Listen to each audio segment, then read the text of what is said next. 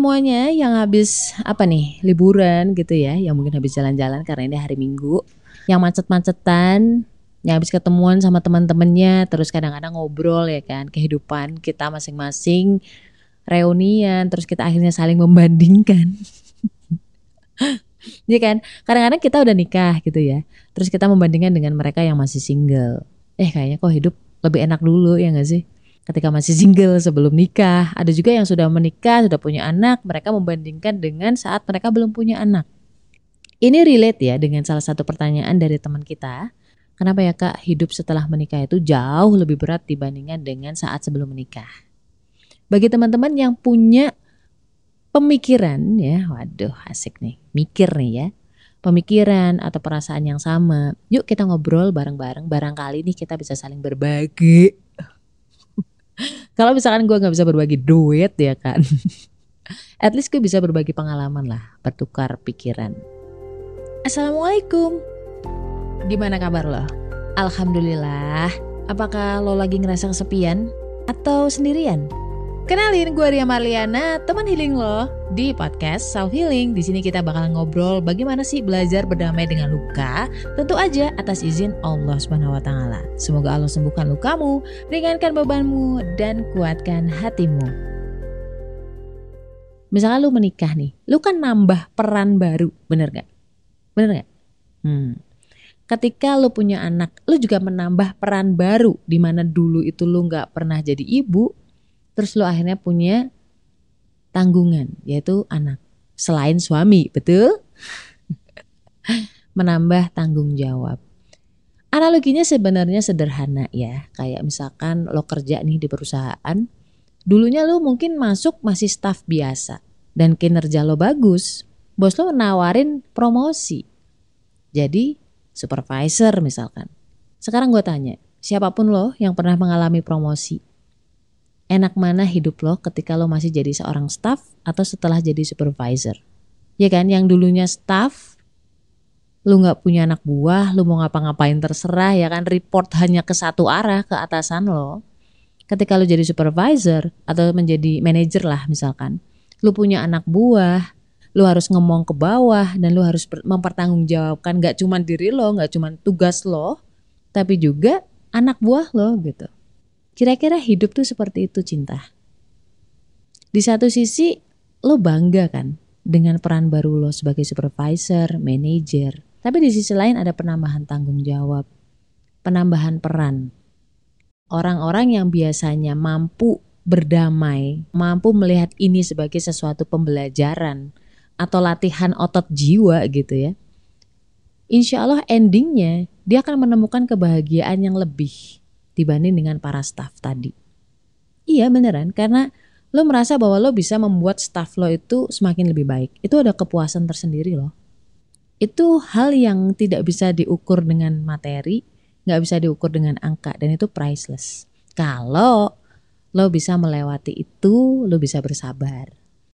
Biasanya kalau teman-teman yang sedang mengeluhkan hidup saat ini terus dia membandingkan dengan kehidupannya di masa lalu atau mungkin dia membandingkan dengan kehidupan orang lain gitu ya itu dia sedang merasa lelah. Sebenarnya dia juga nggak kepengen itu. Dia nggak kepengen complaining gitu.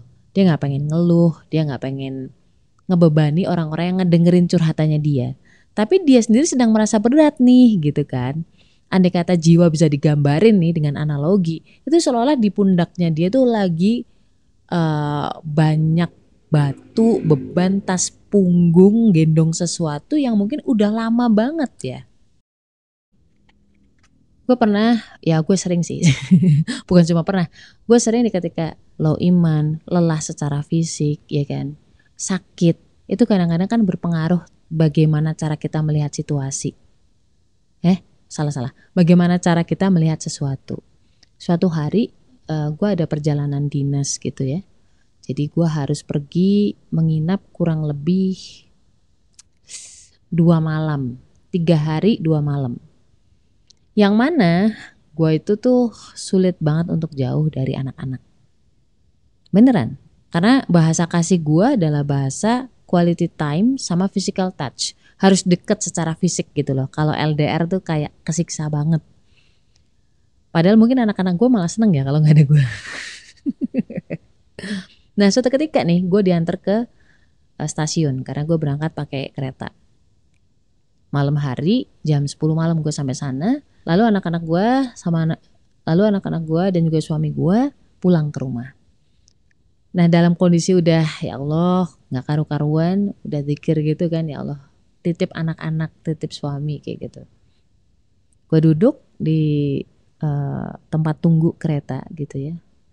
Udah dingin, kenangin malam sendirian, udah nggak ada mood untuk ngobrol dengan siapa pun.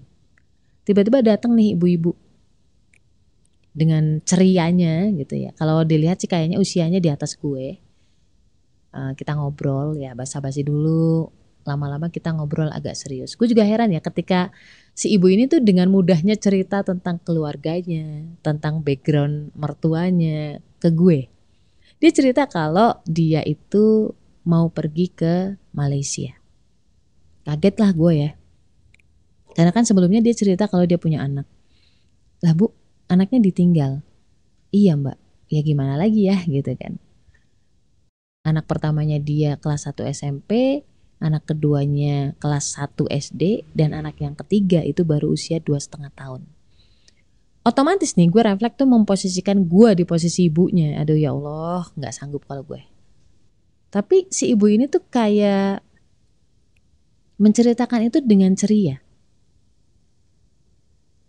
Sampai di titik dia cerita gini, ya mbak tadi suami saya itu nangis ketika mau nganterin saya ke sini gitu. Tapi saya bercandain aja. Lah ngapain kamu nangis mas? Wong di rumah juga kita biasanya berantem. Ya biar nggak sedih aja mbak gitu. Kan jadi gimana gitu ya mbak kalau misalkan dianya sedih, saya juga kelihatan sedih kan jadi tambah berat ninggalinya.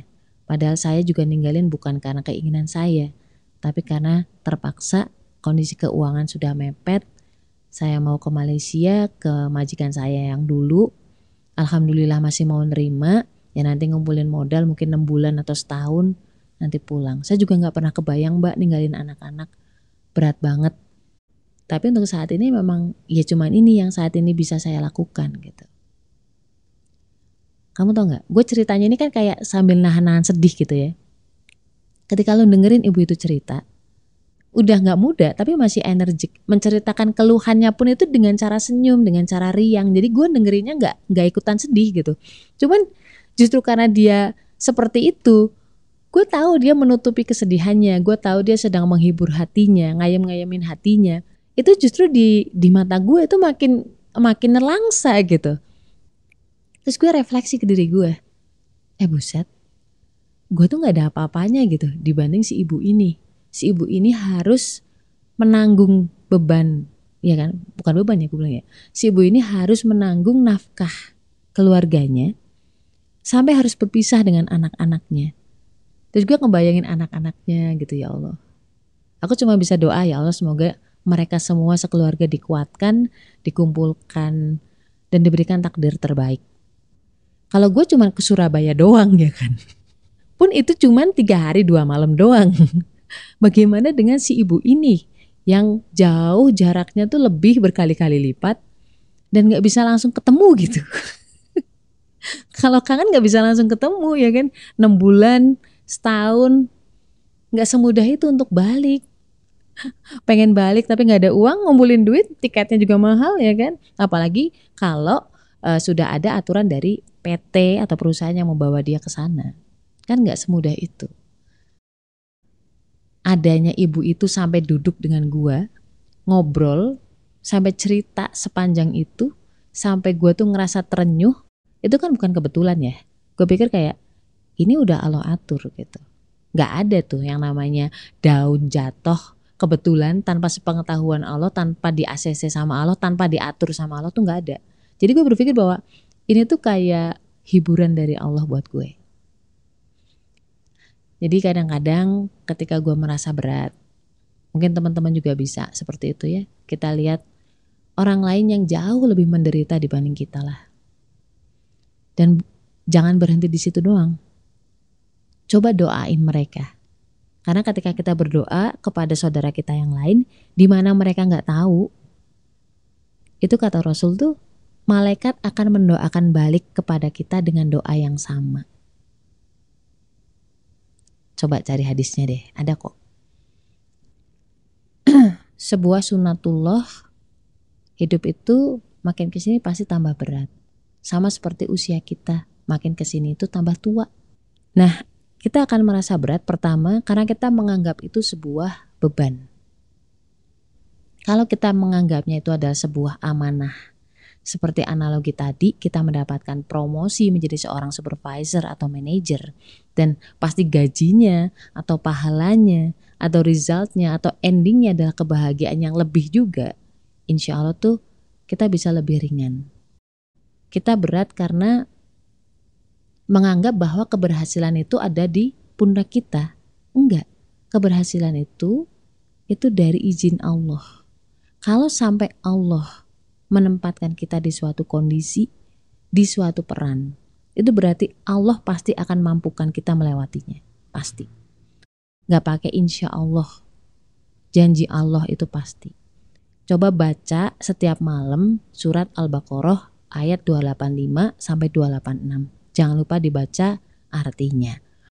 Ya, namanya hidup pasti berat. Hidup itu aja tuh berat. Ya kan? Dulu ketika kita SD kita menganggap bahwa TK lebih mudah, ya kan? Ketika SMP kita menganggap bahwa SD lebih mudah. Ketika kita SMA kita anggap SMP lebih mudah. Ketika kita sudah kuliah kita menganggap oh SMA lebih mudah ya, lebih have fun. Lalu ketika kita bekerja kita menganggap bahwa oh dulu sekolah lebih mudah, lebih menyenangkan ya kan sebenarnya bukan soal mudah atau tidak mudah.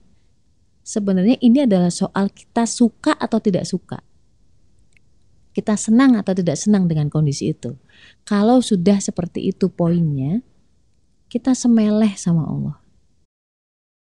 Coba bawa ke sholat tahajud, insya Allah yang menurut kita itu tadi berat, yang membuat kita tuh gak seneng. Insya Allah di hari itu nih, nggak kerasa gimana-gimana, ya biasa aja. Kita bakal bilang bahwa, oh oke, okay. oke okay, fine, thank you, alhamdulillah. Nggak berasa lagi. Kalau tidak percaya, dicoba.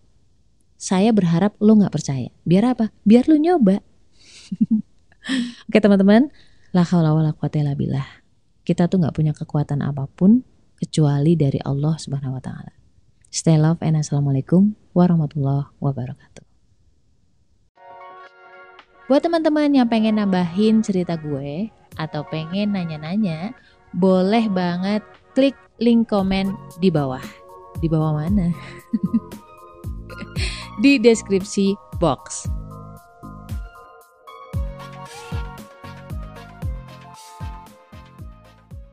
Kenapa rata-rata golongan darah B itu sulit menghafal? Yang biasanya sulit menghafal kata per kata, dia itu bagus di analisis atau logika. Dia nggak akan concern dari kata ke kata atau redaksional bahasa, karena ngacak juga ngomongnya.